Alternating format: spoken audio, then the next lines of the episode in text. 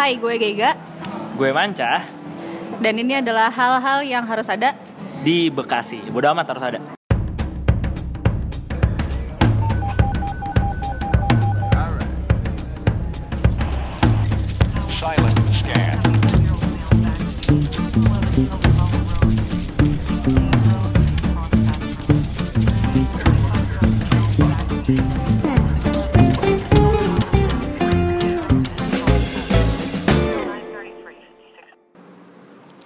Assalamualaikum warahmatullahi wabarakatuh.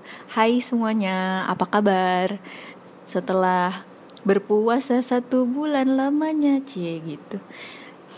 Udah sebulan gue kayaknya nggak upload podcast lagi. Akhirnya, yay Gue mengupload podcast lagi. Kali ini gue berkolaborasi dengan salah satu podcaster Yang udah banyak episodenya 50 mungkin ya bisa dicek aja sih. Tapi lo semua kayaknya udah pada tahu sih karena ya cukup banyak juga pendengarnya. Gue berkolaborasi dengan Mancah dari Pecah podcastnya Mancah.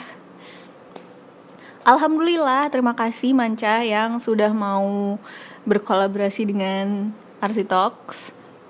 Di episode ini gue dan Mancah akan membicarakan tentang hal-hal yang menurut gue dan Manca harus ada di kota kelahiran kita. Iya, Bekasi. Sesuai judulnya Obrak-abrik Bekasi. Gue dan Manca akan membagi empat hal masing-masing. Jadi ada delapan hal yang harus ada menurut gue dan Manca yang harus ada di Bekasi. Kok belibet sih gue? Ya gitu deh, pokoknya gue dan Manca akan nyumbang ide 8 hal yang harus ada di kota ini. Oke, biar nggak kelamaan, langsung aja kita mulai.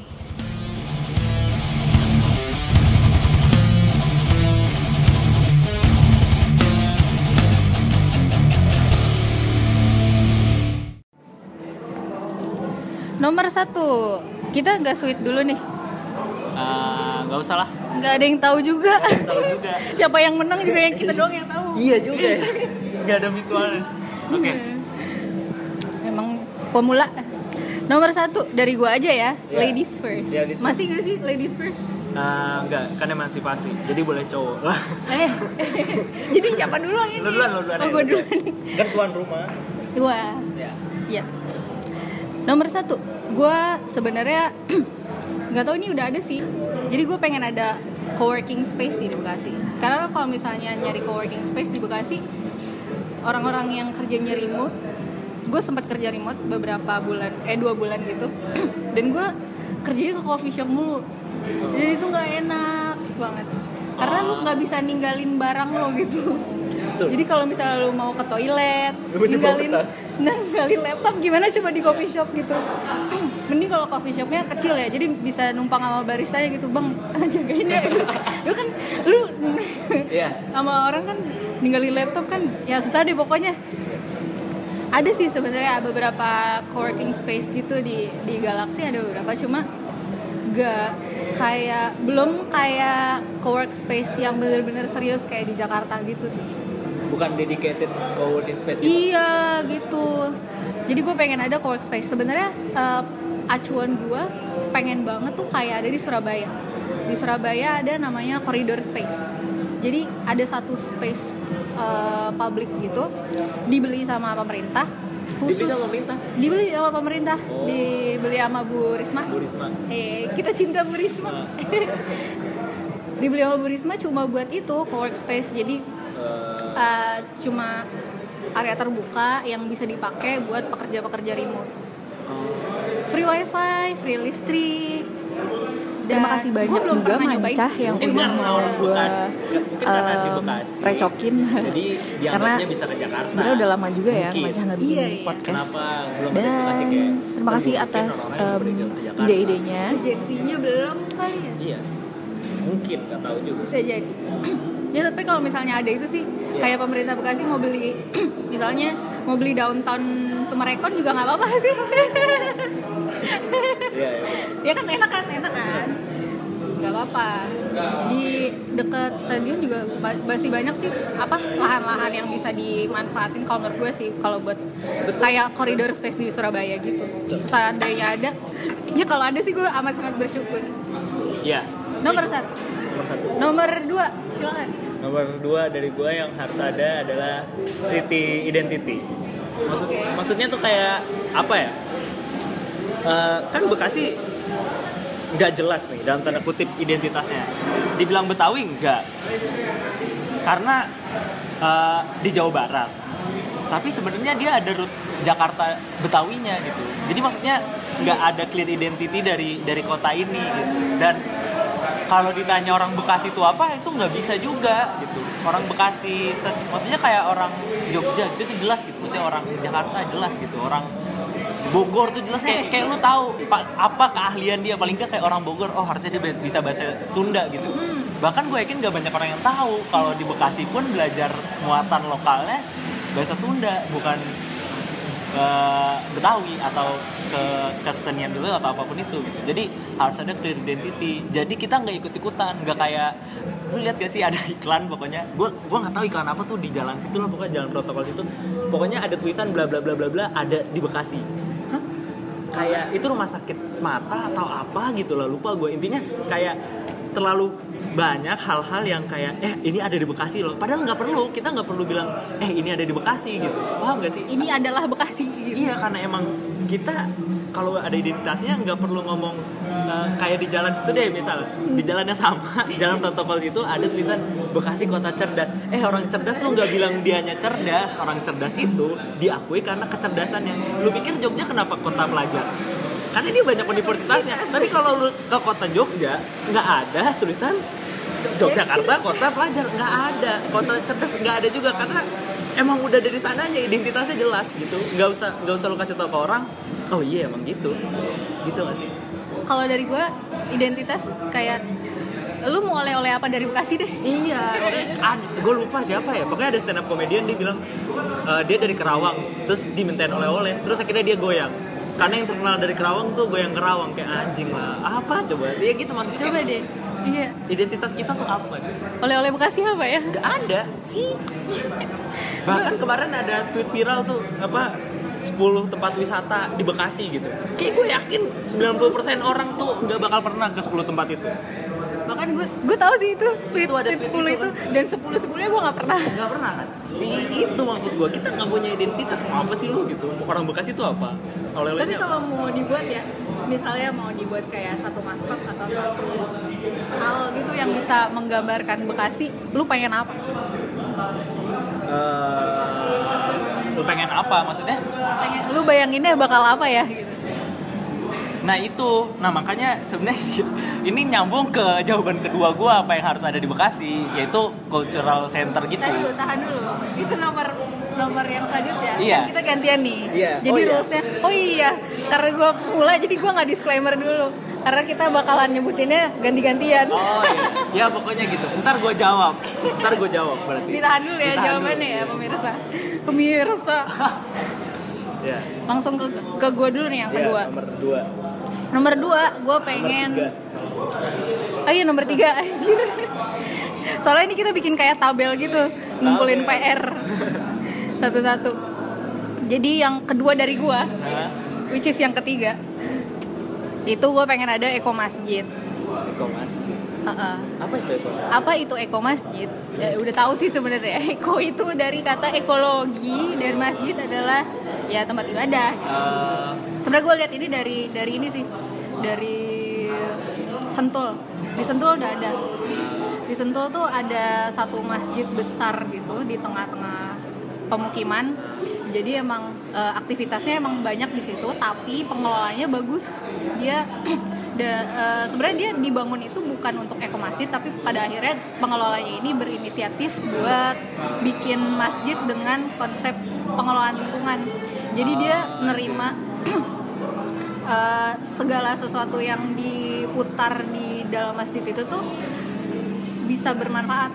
Misalnya dari air, dari air itu di sana kan masjidnya lumayan besar, jadi tiap eh, minggu yang paling besar sih sebenarnya sholat Jumat tuh. Tiap sholat Jumat ada sekitar jamaahnya tuh lumayan banyak ribuan gitu. Terus dari pengelola masjidnya itu ada satu interview yang gue tonton di YouTube. Eh, pengelolanya di di interview gitu. Eh, dia demonstrasiin jadi air yang dipakai setiap jumatan itu eh, muatannya paling gede tuh dalam satu minggu. Dan dia mikir gimana caranya biar eh, efisien nih. Tapi nggak harus kayak ngatur banget si si jamaahnya yang nggak bisa itu. Akhirnya dia eh, ngikutin. Simpel sih sebenarnya dia berangkatnya dari dari sunnah rasul aja. Rasul tuh cuma cuma wudhu tiap kali wudhu tuh cuma sekitar 700 mili kayak satu botol Oh iya. minuman itu yang sedang itu segitu doang sekali wudhu. Tuh 500 ya?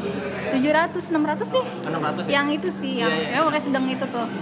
Segitu dan iya sih gue pernah pernah nyobain juga jadi gue pernah diajarin tuh waktu SMP apa SMA gitu praktek agama itu gue juga belajar tuh Wudunya segitu? wudunya segitu aja jadi teman gue megangin gitu di- dituang satu-satu dan bisa dari dari tangan sampai lu kaki gitu sampai Ya sampai selesai lah. sampai wudunya. selesai udah segitu aja dan beneran pas gitu loh nggak lebih dan nggak Oh. kurang nggak nggak beneran diirit-iritin banget dan eh, caranya gimana caranya dia ngatur 600 mili per orang adalah dia bikin katup di dalam tiap kerannya itu jadi kan lu tau gak sih yang kalau misalnya di keran di keran-keran tuh ada yang yang engsel putaran kerannya tuh warna biru terus kotak tahu gak Yang- Oh iya iya iya, yang kecil. dan itu kan yang paling kenceng, Kenceng. Ah, itu tahu gua, tahu gua yang paling itu kenceng. yang kenceng kan Iya. Itu tuh nggak bakal ada di situ karena di tiap di tiap kerannya udah di udah diatur ada katup eh, sis- ada kayak rubbernya gitu di mana yang tiap lo buka emang cuma eh, kurang lebih ya segitu udah diatur. Dan itu gue kayak wow dipikirin. Gila tiap orang bakal bakal dipikirin se, se, sedetail itu. Terus juga uh, pengelolaan sampah. Jadi kan itu di, di pemukiman gitu. Dia nerima pengelolaan pengelolaan sampah mulai dari yang kayak organik sampai ini sorry ya yang ngomong kayak setiap uh, kotoran dari apa uh, Tinja. tinja limbah-limbah tinja yang ada di pemukiman sama di di dalam masjid itu juga dikelola Oh. jadi jadi gas gasnya itu bisa jadi listrik gue nggak tahu yang secara teknis uh, jelas ya gitu sih. Tapi lo mungkin bisa main-main ke Sentul gitu. Karena bagus juga sih gede gede juga masjidnya.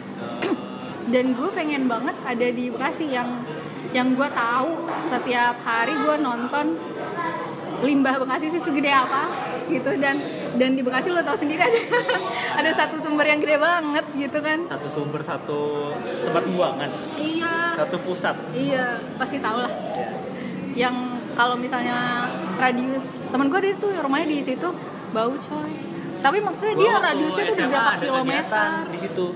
Apa apa ya nama nama kegiatan lupa anjir gua. Pokoknya intinya kayak ada sekolah. Intinya kayak anak-anak SMA gua tuh ngebentuk suatu sekolah. Jadi ngajarin anak-anak di sana kayak gitu. Tiap minggu tiap sabtu. Itu pada ke sana. di sana di tempat TPU-nya atau? Iya di sekitarnya Oh. di pinggir-pinggirnya. Jadi ya ya sudah cukup kebal Iya. itu teman gue radiusnya lumayan sih 3 sampai 5 km itu udah anginnya angin itu. iyalah Terus yang meledak tuh apa ya? TPU apa ya? Hah, emang ada Ada coy. nggak tahu. Jadi saking saking besarnya itu gas yang ada di situ Metananya. meledak, metananya meledak. Bayangin dong itu. Wow. Hah? Itu sih gue pengen banget ada ada ada satu. tapi ya itu kalau dibilang ekonominya lumayan. Iya. duit dari kan DKI tuh ngebongnya ke situ. Nah, Banter Gebang. BTGB gue ini temen gue tuh ngomongnya BTGB biar nggak Banter Gebang. Banter Gebang kan jelek kan? BTGB nah ke BTGB itu Jakarta kan bayar. Nah itu uangnya lumayan cuy.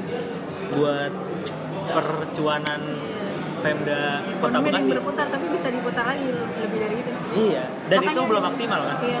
Walaupun ada beberapa komunitas-komunitas yang apa ya, yang komunitas peduli lingkungan yang akhirnya masuk ke Bekasi. Habis ini gue bakal collab sama mereka. Ye. tapi tau gue kayak kayaknya spoiler aja. itu tuh paling bagus loh ininya recycle plastiknya Gimana?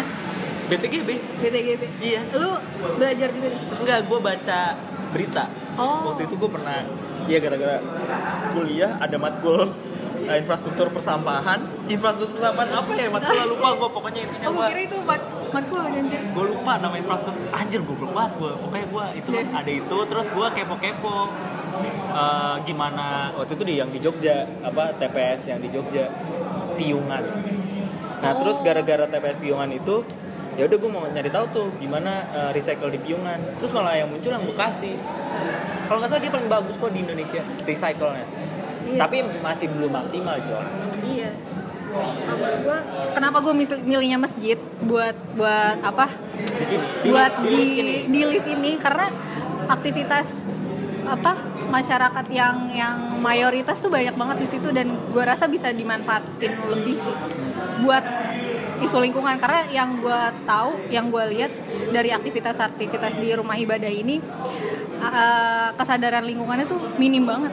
Oh, iya. jadi gue pengen nyatuin itu sih. Gitu. Baik kita sambung tadi. Iya.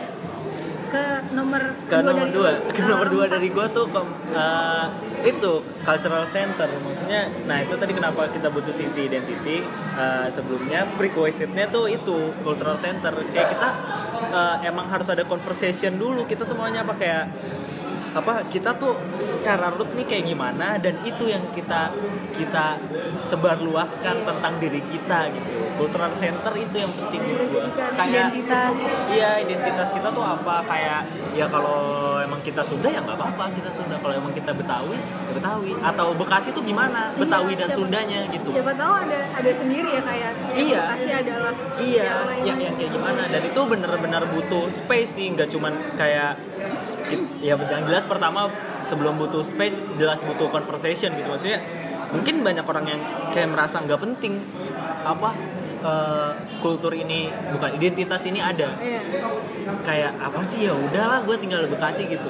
Ya iya emang bisa juga kita akan Bekasi akan hidup dengan baik-baik saja tanpa ini jelas. Tapi kenapa menurut gue ini ada? Karena eh, salah satu yang kita lupa adalah gimana eh, kita nih hidup di sini dan eh, itu akan nge-shape kita. Kalau kadang lu ber- ya kalau lu orang Bekasi gitu walaupun lu orang awal dari mana kalau ditanya lu Bekasi lu nggak bisa jawab itu lucu sih menurut gue karena lahir di situ. Iya, tinggal di situ. Walaupun orang tua lu misal uh, pendatang dari daerah mana gitu persetan dengan itu tapi lu tuh tinggal di situ. Kalau eh Bekasi kayak gimana sih? Budayanya apa gitu? Kayak kalau lu nggak bisa jawab tuh lucu menurut gua. Gua lucu. Gua pun nggak bisa jawab sekarang. Apaan? Gua nggak tahu cuy gitu.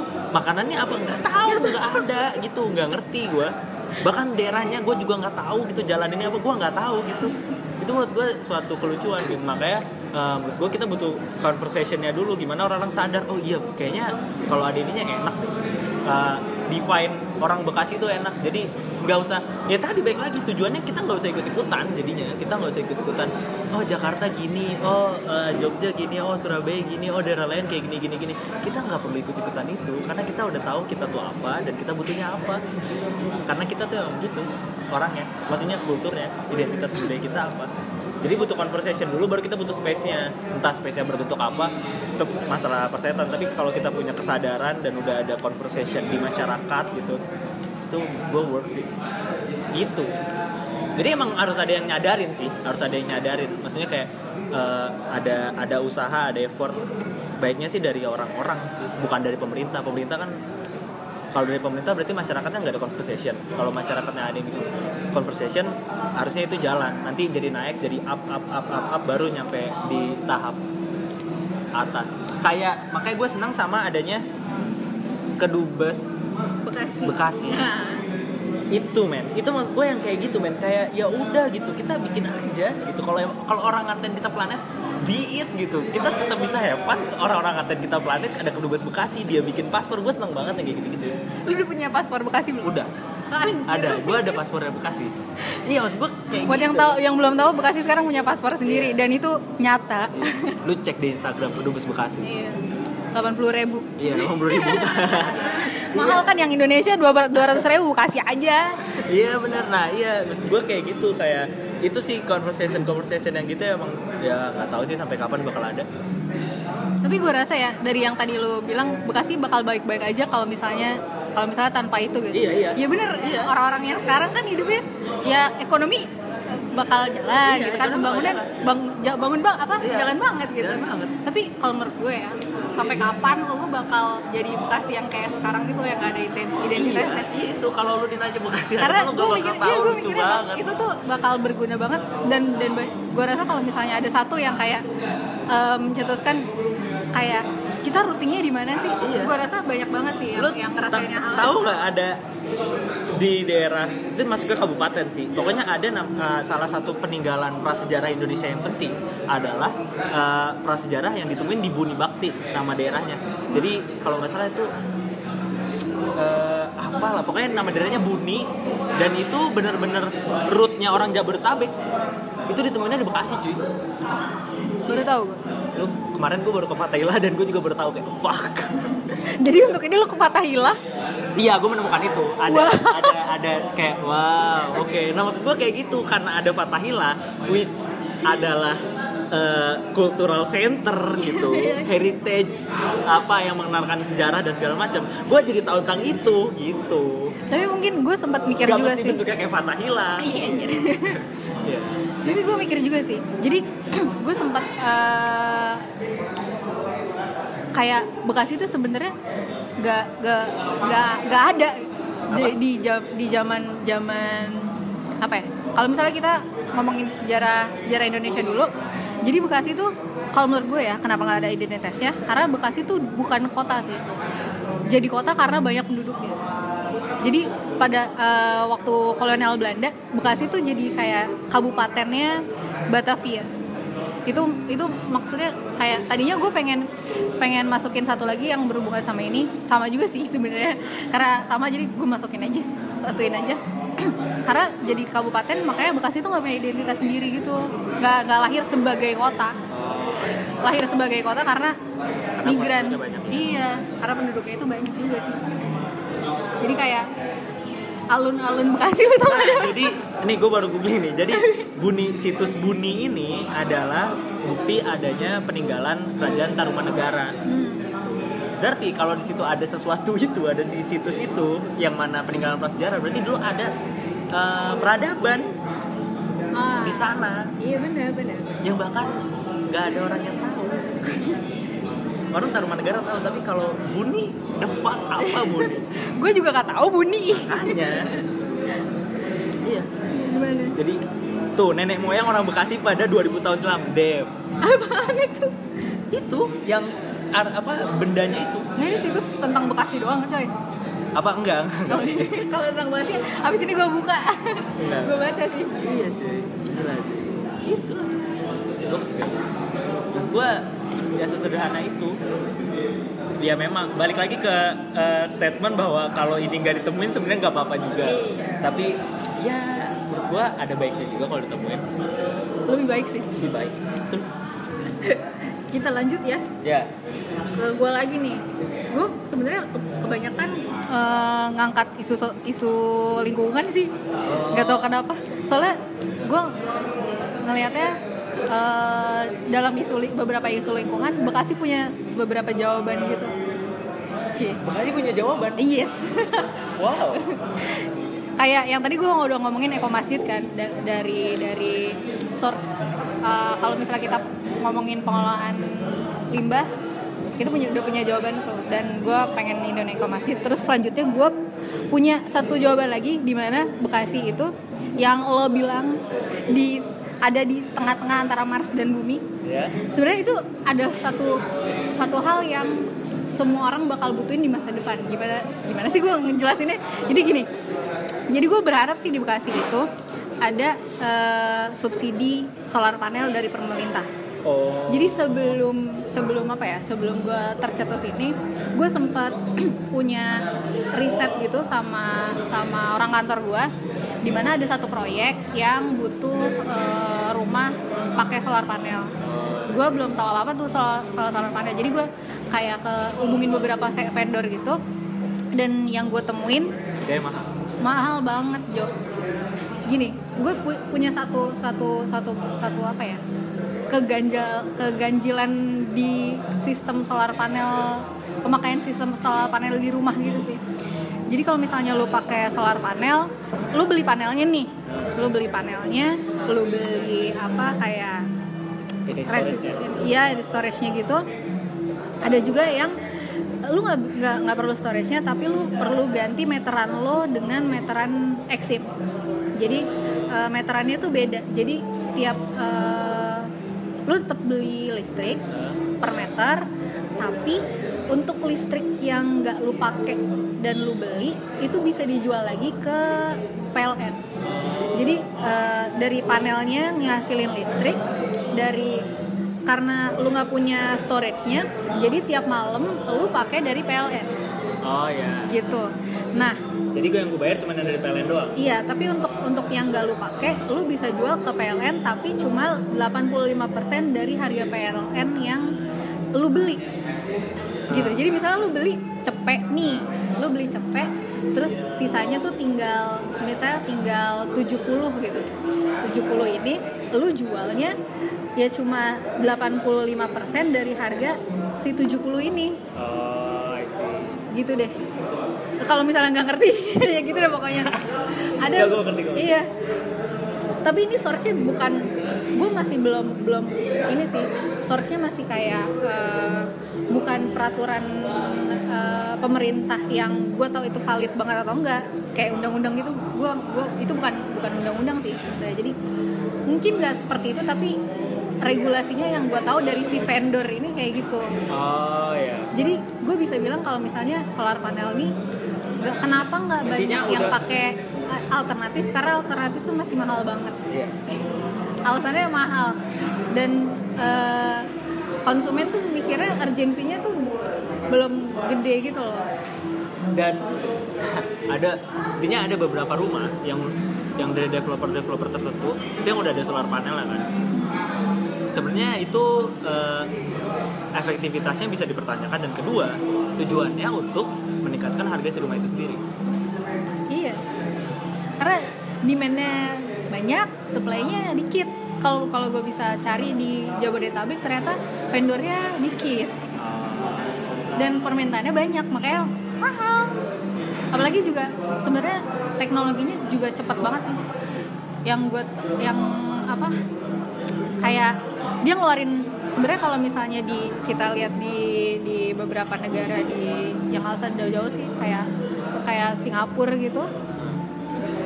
Ya dia bisa dia bisa ngeluarin eh, satu satu rumah tangga tuh bisa ngeluarin harga yang sama kayak di sini dan dan harganya tuh terbilang murah. Jadi kayak urgensinya belum ketemu sih kalau menurut gue dan gue sebenarnya eh, berharap ada kayak subsidi dari pemerintah kayak subsidi skincare di Korea gitu loh jadi kayak Emang di Korea ada subsidi skincare? Bener ya? jadi kalau di Korea Selatan Demi apa? Iya, lu cari aja deh sendiri. Wow. Jadi kenapa wanita-wanita Korea atau pria-pria Korea Ya. terlihat amat sangat glowing itu karena subsidi, subsidi pemerintah. Jadi lo beli uh, skincare di Korea karena lu punya KTP Korea bakal lebih murah lah daripada lu ini. Gila cuy, tahapnya udah di situ cuy. Iya. Maksudnya tahapnya tuh disubsidi barang tersier. Paham gak sih? Kayak subsidi tuh barang primer lah, opo sih gitu. Ini Jadi- energi alternatif loh. Iya, kalau itu ya oke lah gitu. Tapi itu, aduh men, tersier kan. Berarti di sana bioderma berapa ya? Eh Sersek, Prancis kan. Cor Cor yang RX itu berapa ya? Wow. Oke. Ya, nice. jadi kayak itu. gitu sih. Kalau misalnya ya kalau misalnya dapat subsidi sih, gua rasa developer-developer bakalan menggunakan solar panel beneran buat alternatif sih, bukan cuma buat apa ya? Buat branding si developernya ini aja. Kalau menurut gue sebenarnya eh, kita nggak butuh solar panel. Belum butuh. Kalau menurut lu gimana? Kalau menurut gue lebih butuh kita butuhnya nuklir. Kenapa? Beneran gue, aduh repot dah gitu. Maksudnya kayak udah kalau misalnya pemerintah daripada lu mikirin subsidinya dari mana, gue yakin ya. Kalau misalnya dihitung-hitung daripada subsidi kan satu-satu tuh berarti. Nah, Mending lu bikin satu PLTN, kita lihat dulu nih untung mana dari pengeluaran apakah pengeluaran subsidi lebih rendah atau membangun PLTN lebih rendah gitu. Oh. Dan gue yakin harusnya PLTN lebih mudah karena lebih rendah karena terpusat. Centralized iya centralized tapi kita nggak tahu juga sih apa yang dilakukan PLN sekarang ini kayak yang tindakan apa yang akan dilakukan ya kita nggak tahu. Kalau berdasarkan obrolan gue dengan teman-teman. Lulusan teknik nuklir. Oke. Intinya emang nggak ada ini aja nggak ada nggak ada keinginan yang berarti dari pemerintah untuk mewujudkan PLTN kalau misalnya ngomong skill udah bisa. Ngomong tempat udah banyak studinya. Ya, tinggal eh lu mau bikin nggak? Nggak mau gue ya udah buat apa? Nah, tapi gue sempat sempat ini sih. Kalau misalnya gue mikirin sumber energi alternatif gue sempat mikirin sumber energi alternatifnya bisa dipegang sama swasta nggak sih? Maksudnya centralized maksudnya kalau misalnya kita nggak bisa nggak bisa uh, cuma mengandalkan dari pemerintah aja Ah. bisa nggak sih ada sumber energi alternatif yang beneran di tapi kalau kayak gitu swasta apa apa untungnya dong maksudnya? Ya kan kalau swasta otomatis dia mencari untung kan? Uh, kalau misalnya dia bikin power plant dari energi alternatif sementara harganya jelas akan lebih mahal. Ya ya apa enggak? Ya ya kan? Nyarinya tadi kan yang yang lebih murah dong. Seandainya gitu. Kan PLTN bukan alternatif. Bentar bentar. Gue belum belum nemu gimana? Gue belum nyambung nih gue belum nyambung. Enggak enggak eh, pe- eh, sepemahaman gua nih ya. Iya. PLTN itu bukan energi alternatif tapi PLTN ini lebih eh, irit dan resource-nya lebih apa ya? Lebih eh, lebih bisa jangka panjang. Lebih bisa Eh, jangka sustain. panjang. sustain. Lebih sustain dibandingkan apa yang kita punya sekarang. Tapi dia tidak sealternatif itu. Yang alternatif itu kan dia sangat sustain. Bahkan tidak perlu. Kayak matahari kan selalu ada angin Iya. selalu ada ah, ya kayak Iya, gitu. Gitu. Yang gua paham ya ya pokoknya gitu. Kayaknya nggak boleh deh.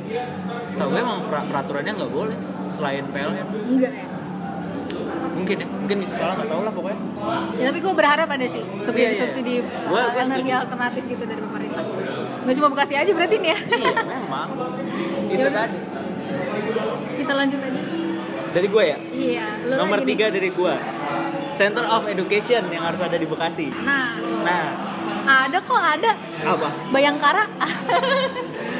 Gak sebenarnya iya jadi gue waktu gue mencetuskan ini gue kepikirannya eh, kayak universitas gitu tapi sebenarnya nggak juga gitu karena eh, Center of Education itu tidak melulu berbentuk universitas kayak siapa tahu ya kalau misalnya pemerintah bisa bekerja sama dengan swasta bisa jadi kayak di BSD gitu.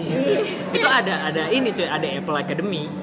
Like literally Apple Academy from Apple certified by Apple. Maksudnya kayak men itu kalau misalnya Apple aja bisa ke BSD gitu kenapa nggak misalnya let's say apa Google? Microsoft. Microsoft atau Yuk. siapa? Dia bikin aja gitu dan orang Indonesia bisa belajar di situ gitu kalau pemerintah punya leverage tertentu terhadap big big company itu harusnya bisa. Jadi nggak Ka- kenapa kenapa uh, Center of Education? Karena uh, kalau ada Center of Education di situ uh, ada perputaran ekonomi dan pergerakan manusia. Kalau dulu kota-kota itu ada karena adanya pasar nggak ada kota tanpa pasar kayak Batavia karena ada port lebih basicnya lagi sebenarnya kan port kan pelabuhan Jakarta, eh, Makassar, Surabaya itu itu semua daerah-daerah yang punya port gitu. Nah kalau sekarang kan nggak mungkin ada port. Mungkin sih, tapi itu eh, oke lah bisa ada. Tapi kalau kena- daripada rempong-rempong port, mending kita bikin education aja, menurut gue. Gitu. Jadi kalau ada education, ada orang datang, ada orang berkegiatan di situ, ntar ada ada yang ngekos, yang ngekos butuh makanan, butuh laundry, apa. Jadi semuanya muter. Jadi Bekasi kota cerdas. Iya beneran, jadi nggak usah nggak usah ngomong eh Bekasi kota cerdas. Enggak emang udah pinter. Gitu nggak usah dikasih tahu. Oke oke. Sesederhana. Eh tapi kan udah ada LSPR sama binus. Good good good good. Tapi apakah orang-orang mau kayak gimana ya? Belum ada belum ada satu kayak anjir ada di Bekasi lagi mau nggak mau. Iya. gitu. Malah makanya waktu adanya ITB Bekasi. ITB like Institut Teknologi Bandung Bekasi. Itu gue itu tuh kayak wah ini bisa keren. Bisa bisa membantu ekonomi Bekasi. Karena mau nggak mau ada beberapa jurusan ITB yang ada di Bekasi kan. Dan ITB just being ITB gitu. Iya. gitu maksudnya. Tapi nggak tahu deh tuh jadi apa nggak.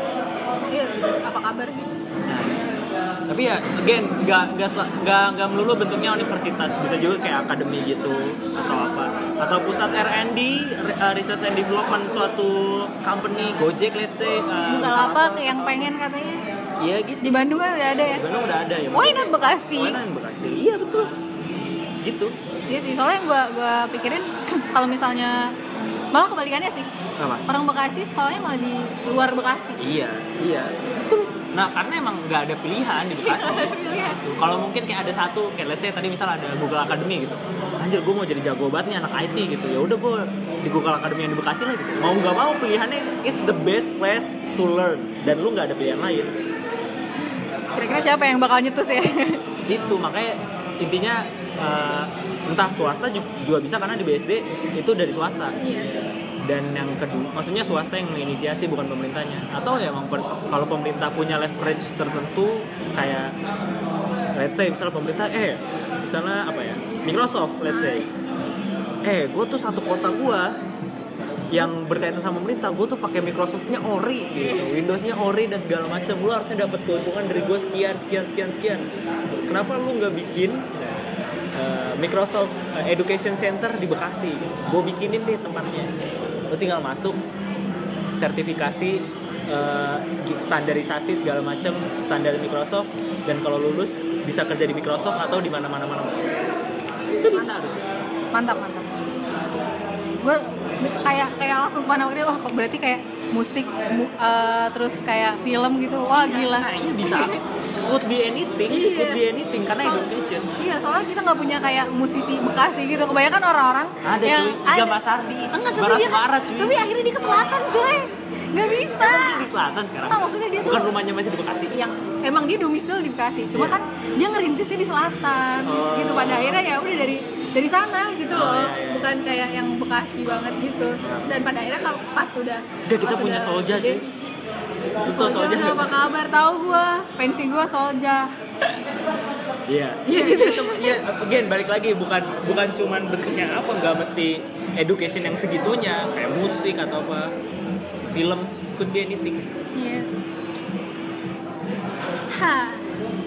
Oke. enak emang bayang-bayangin Bekasi Enak banget kan ngebayanginnya gila loh. Imagination. Soalnya belum Enak banget ada- nggak sih meme yang SpongeBob itu? yang ada pelanginya gitu Oke, itu dari gua. Nomor tiga dari lanjut lagi dari gue lah dari gue sebenarnya ini bisa di mana aja sih yang gue resah selalu resahkan pas ke mana-mana dan gue sebenarnya ini udah dicetusin jadi dulu waktu SMA SMA gue di Korpri Hai anak-anak Korpri Lu anak korpri. anak Korpri yang ada ularnya di sekolahannya asli ada ular ada buaya Aduh, iya iya. iya. Iya, tapi itu sekolah adem banget parah dan Iya. gue cinta banget sama kepala sekolahnya yang bikin eh, refill air. Stes. Oh di korpri ada? Iya, jadi waktu angkatan gue tuh dibikin gitu. Jadi airnya dari mana?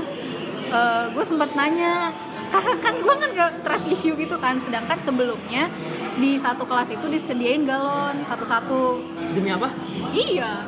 Kalau nggak salah, banget. eh, tadi tadi. Iya anjir, iya iya. Korpri itu negeri. Eh enggak swasta. Oh, iya.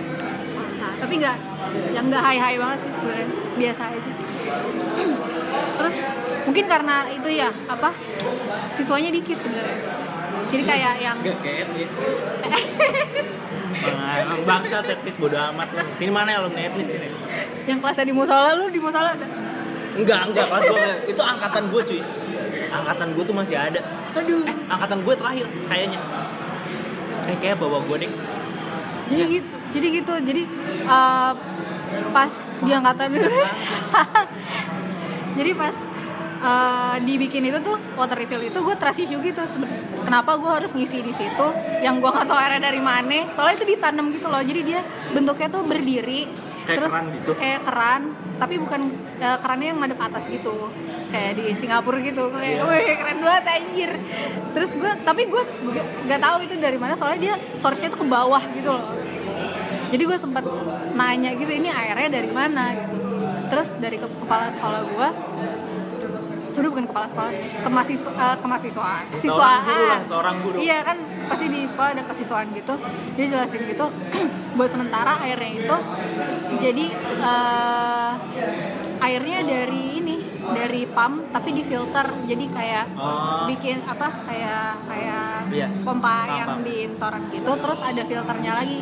Tapi gue masih belum percaya karena gue nggak tahu filternya gitu loh. Ah, terus eh, ada kayak rumor gitu kan pada nyobain kan terus ada rumor gitu ada satu anak yang diare habis Oh. habis minum dari situ terus akhirnya nggak ada yang mau make oh. akhirnya udah nggak ada sampai sekarang jadi ini jadi kerannya diganti habis itu dikasih sabun cuci tangan kayak di kayak di restoran Sunda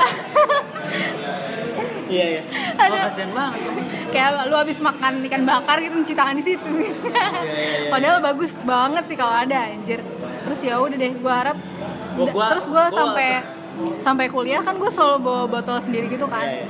padahal gue udah udah, juga udah bawa niatin niatin kalau misalnya gue bawa sendiri gue pengen isi lagi tapi kayak misalnya gue makan di luar nih jadi gue minta airnya tuh sama sama sama tempat makannya gitu gue gue beli air deh tapi isinya di sini gitu.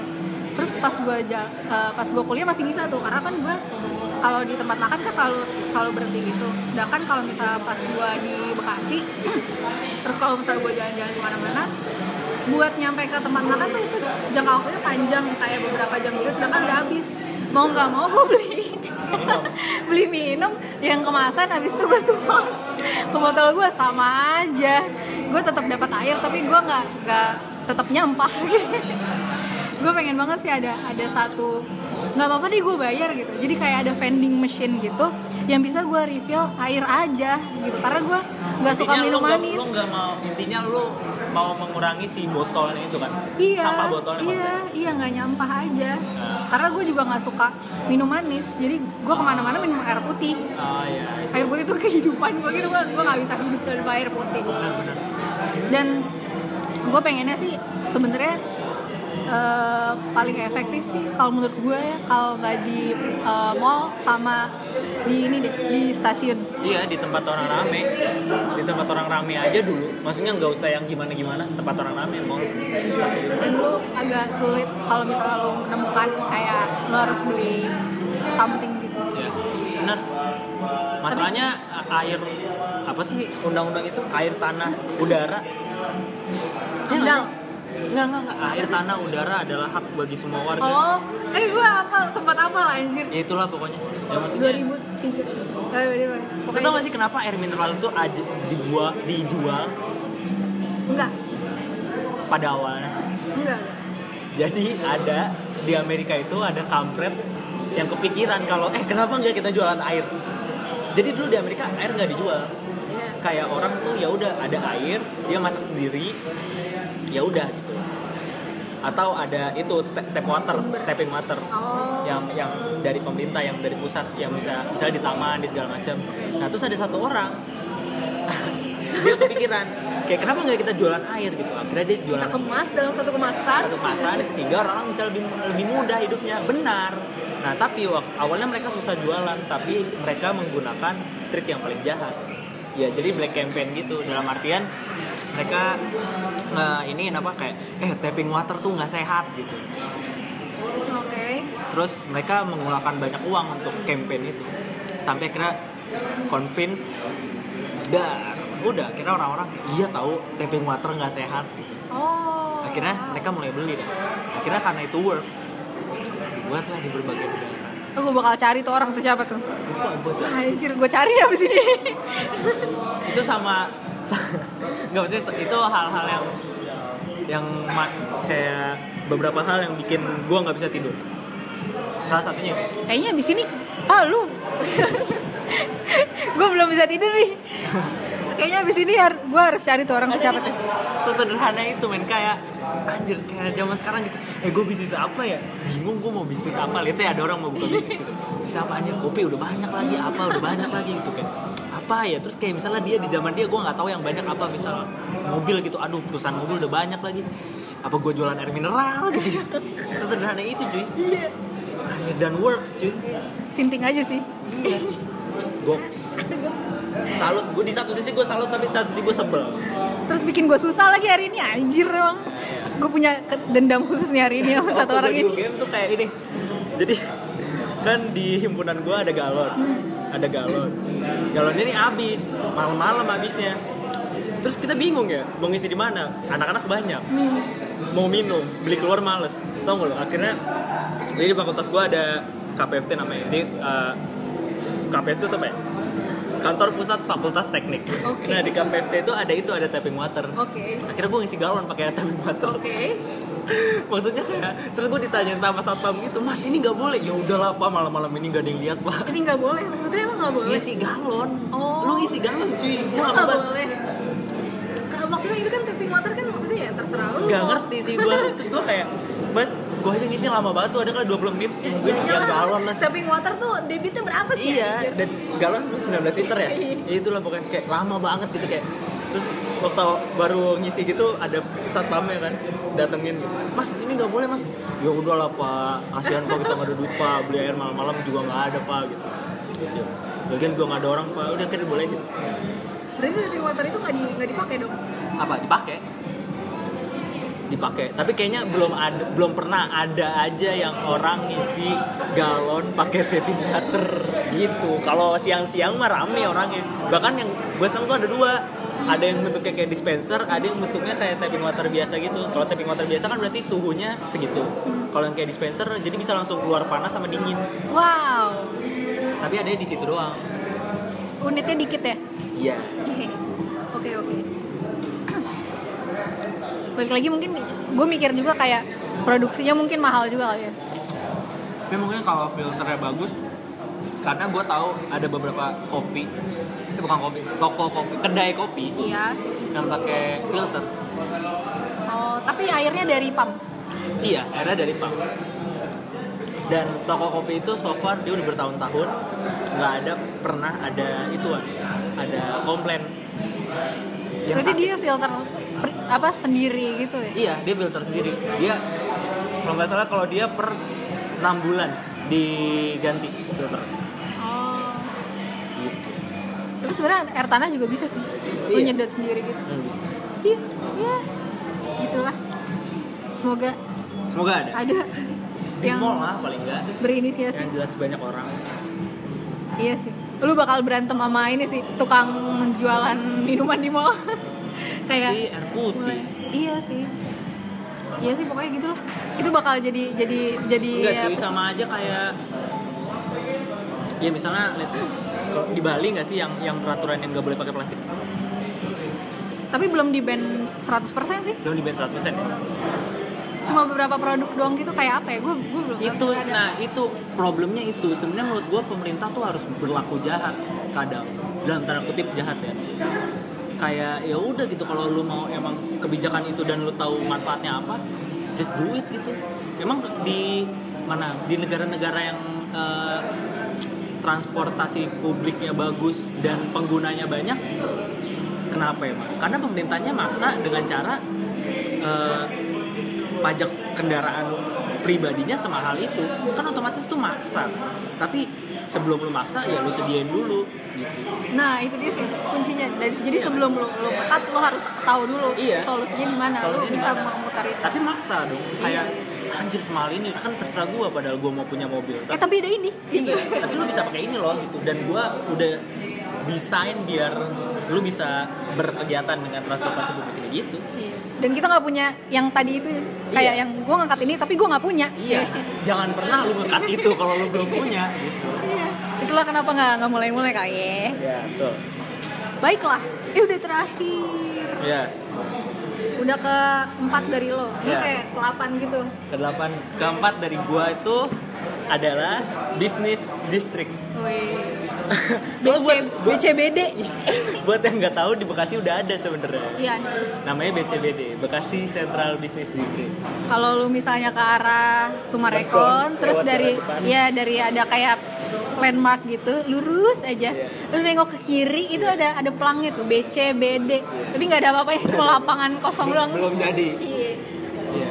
tapi ya itu eh, kenapa gue tetap mau karena sebenarnya sama sih Eh, menurut uh, sebelajarnya gue source of vibrant city maksudnya kota yang vibrant yang hidup gitu itu tuh kalau di zaman sekarang di era sekarang ini ya dua antara pendidikan atau eh, perkantoran gitu.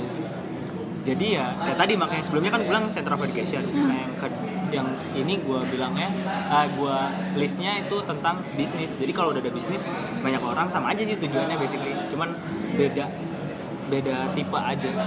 Dan kalau ada bisnis distrik otomatis. Intinya gini swasta kan nggak mau rugi. Kalau dia mau udah mau buka berarti kota ini udah bagus nih basicnya punya prospek Iya punya prospek, jadi dia mau naruh di situ. Eh, jalannya eh, bagus, eh, orang-orang tuh bisa reach daerahnya gitu. Dia Gak mungkin kalau dia bikin bisnis apa kantor gitu di tempat yang jauh banget, yang dia tahu bakal susah. Susah dan eh, karyawannya nanti bakal susah ngedatengin. Sini juga nggak bakal gitu. Jadi kayak harusnya bisnis distrik ini ada setelah semuanya tuh selesai. Infrastruktur ya transportasi, jalan, listrik itu.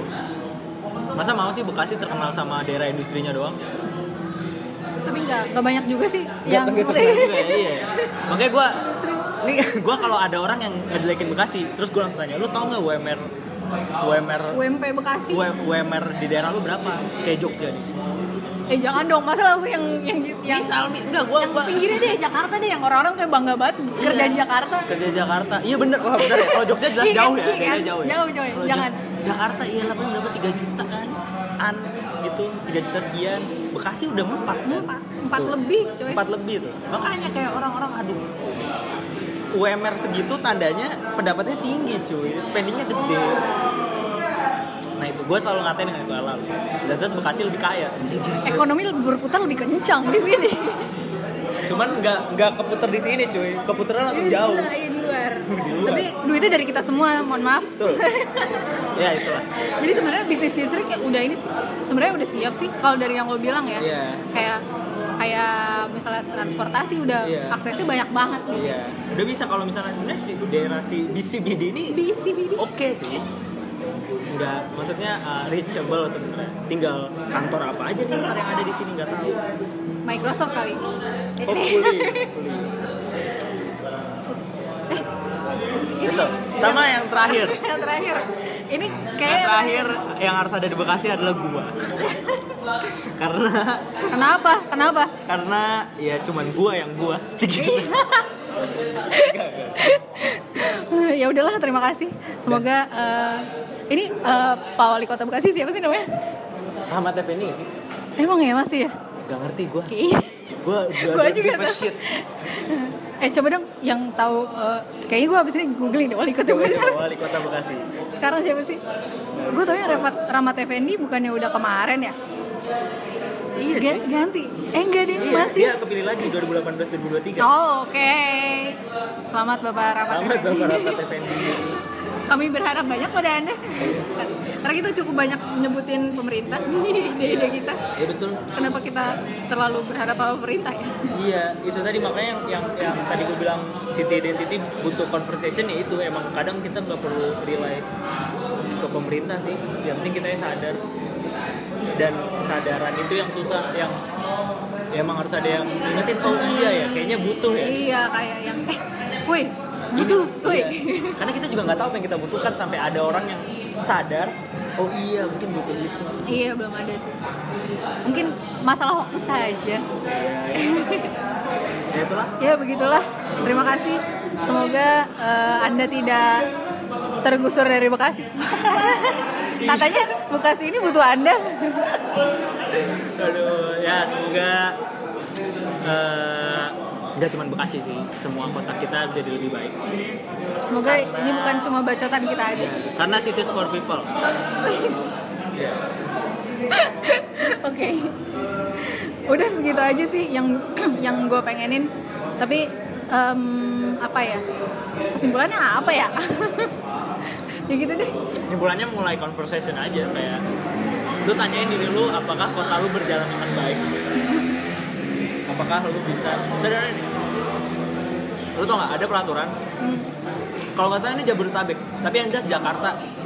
Ada peraturan ada peraturan ini. Apa? intinya peraturan ini bilang harusnya setiap pemukiman itu berjarak 500 meter dari eh, transport eh, transportasi publik. Entah halte entah apa pun itu namanya. Dan gue yakin tidak semua pemukiman tuh reachable 500 meter dari bukan tidak semua semua tidak ada sih tapi ya kecil Jadi, maksudnya emang kalaupun ada mungkin nggak bukan perencanaan yang seperti itu sih Iya. Karena gue itu gua- udah udah peraturan, tapi yang itu aja belum selesai. Kalau misalnya rakyatnya sadar dan kita mau menyuarakan itu dan kita menyuarakannya dengan baik, let's say kita incar nih satu orang di DPRD atau Iya, apa, ya udah eh ini tuh penting cuy. Gitu. Kayak kita menyuarakan ini dengan jelas tujuannya apa, harusnya sih bisa. Dan gua kemarin pemilu kemarin Hmm. kan milih tuh DPRD segala Oke. macam segala macam itu kan ada ada websitenya kan? Website yang Oh, uh, iya, iya. nyari tahu si DPRD uh, ini siapa. Gue pokoknya ny- kepo-kepo dah. Akhirnya gue sudah menentukan pilihan kan? Hmm. DPRD siapa ini siapa ini siapa. Ya, oke. Nah gue menghubungi dia melalui cara yang gue bisa tapi orangnya bisa tersentuh gitu. Maksudnya dia Enggak, gue cuman kayak eh lu tuh penting ini A B C D E kenapa kenapa kenapa kenapa? Kayak sedikit poin aja nggak kayak kayak lu beneran beneran nyari kayak lu beneran pengen oke gue nyari buat gue kontak ya gitu iya apa iya. Gue nggak awalnya gue nyari tahu oh ini dia siapa dia siapa. Eh gue nggak mau milih dia. Oh, oke. akhirnya gue milih gue udah udah punya pilihan. Oke. eh gue milih lu. Gue bakal milih lu gue mau gue minta lu buat melakukan A B C D E F G. Karena A ini gini B ini gini C ini gini D ini gini gitu. Kayak kayak gue gue harga gitu gue berhak dong. Karena lu ngomongin dewan perwakilan rakyat dan gue rakyat. Oke berarti lu ngubunginnya secara online? Dengan cara-cara yang gue bisa. Ya online jelas. Nggak maksudnya ada yang Ah, iya. email ada yang lewat Instagramnya dia ada yang Facebooknya dia. Oh, wow. Intinya dengan cara yang gue bisa. Ya itulah. Ya menurut gue itu kita menyuarakan dengan cara yang baik ya kayak gitu. Apakah kita akan mengirimkan ini kepada wali kota Bekasi? Persetan. Karena itu percuma wali kotanya mau DPR nggak mau. Menurut gue kita lebih penting megang megang ngunci di DPR lagi. Oke deh Wow, ternyata seserius ini tadinya gue gak mikir serius ini Ini kayak, wah oke, oke, oke, oke Tapi ya semoga kalau misalnya emang ini nggak sampai sana, mungkin kalian berani yang yang Iya. kalian akan melakukannya. yang gitu, iya. Itu itulah yang next gue time nih itu itu sa- saran gue next time kalau lo milu lagi lu gituin cuy pilihan persetan Iya. dengan dia dengerin atau enggak lu udah melakukan usaha lu gitu lu melakukan lu me- me- menyelesaikan hak konstitusional lu dan lu menyelesaikan hak moralitas sebagai rakyat Nice. Oh, bagus juga. Gue gak melakukan apa-apa sih. Selain milih aja. Maksudnya gue gak gue gue belum sampai segitu ke tahap sana. Tapi boleh juga. Sebenarnya masih mengasihkan. Kayak ada kepuasan ya. lu bisa bahkan kalau dia kepilih kan udah tahu cuy Iya. kalau dia kepilih ya kalau dia kepilih wah ketahuan gue udah tahu nih emailnya Iya sih. Tapi kalau misalnya kepilih kayak Tapi bisa hubungin lagi hai gitu. Anehnya apa? Apa? Nggak ada yang balas. Tapi lu kayak lu berharap dibalas apa gitu? Kayak Maksudnya kayak eh, oke diterima, terima kasih. Oh. mungkin banyak kali yang melakukan itu. Amin. tapi bagus sih walaupun gak dibalas setengahnya gue ada ada hipotesis pertama banyak yang ngelakuin jadi kayak yang ya udah oke gue nggak bakal balas satu-satu Oh tapi iya. Nggak. tapi gue nggak yakin banyak. Somehow nggak tahu, tapi semoga banyak. ya kita nggak tahu ya Iya. ya pokoknya begitulah Iya. Itu saran gue. Iya iya semoga setelah uh, podcast ini dibuat terus kita uh, misalnya gue dengerin lagi 10 tahun mungkin salah satu dari ide-ide ini sini akan ada. kita aminin aja ya Iya. amin udah ya, sampai segitu aja. Terima kasih Mancah yang sudah ingin udah mau gue pansosin. Pansos sama orang mediocre. Nggak apa-apa yang penting kolab ya biar nggak mati. Ya betul. Apa pun collab. Udah sampai segitu aja. Terima kasih. Bye assalamualaikum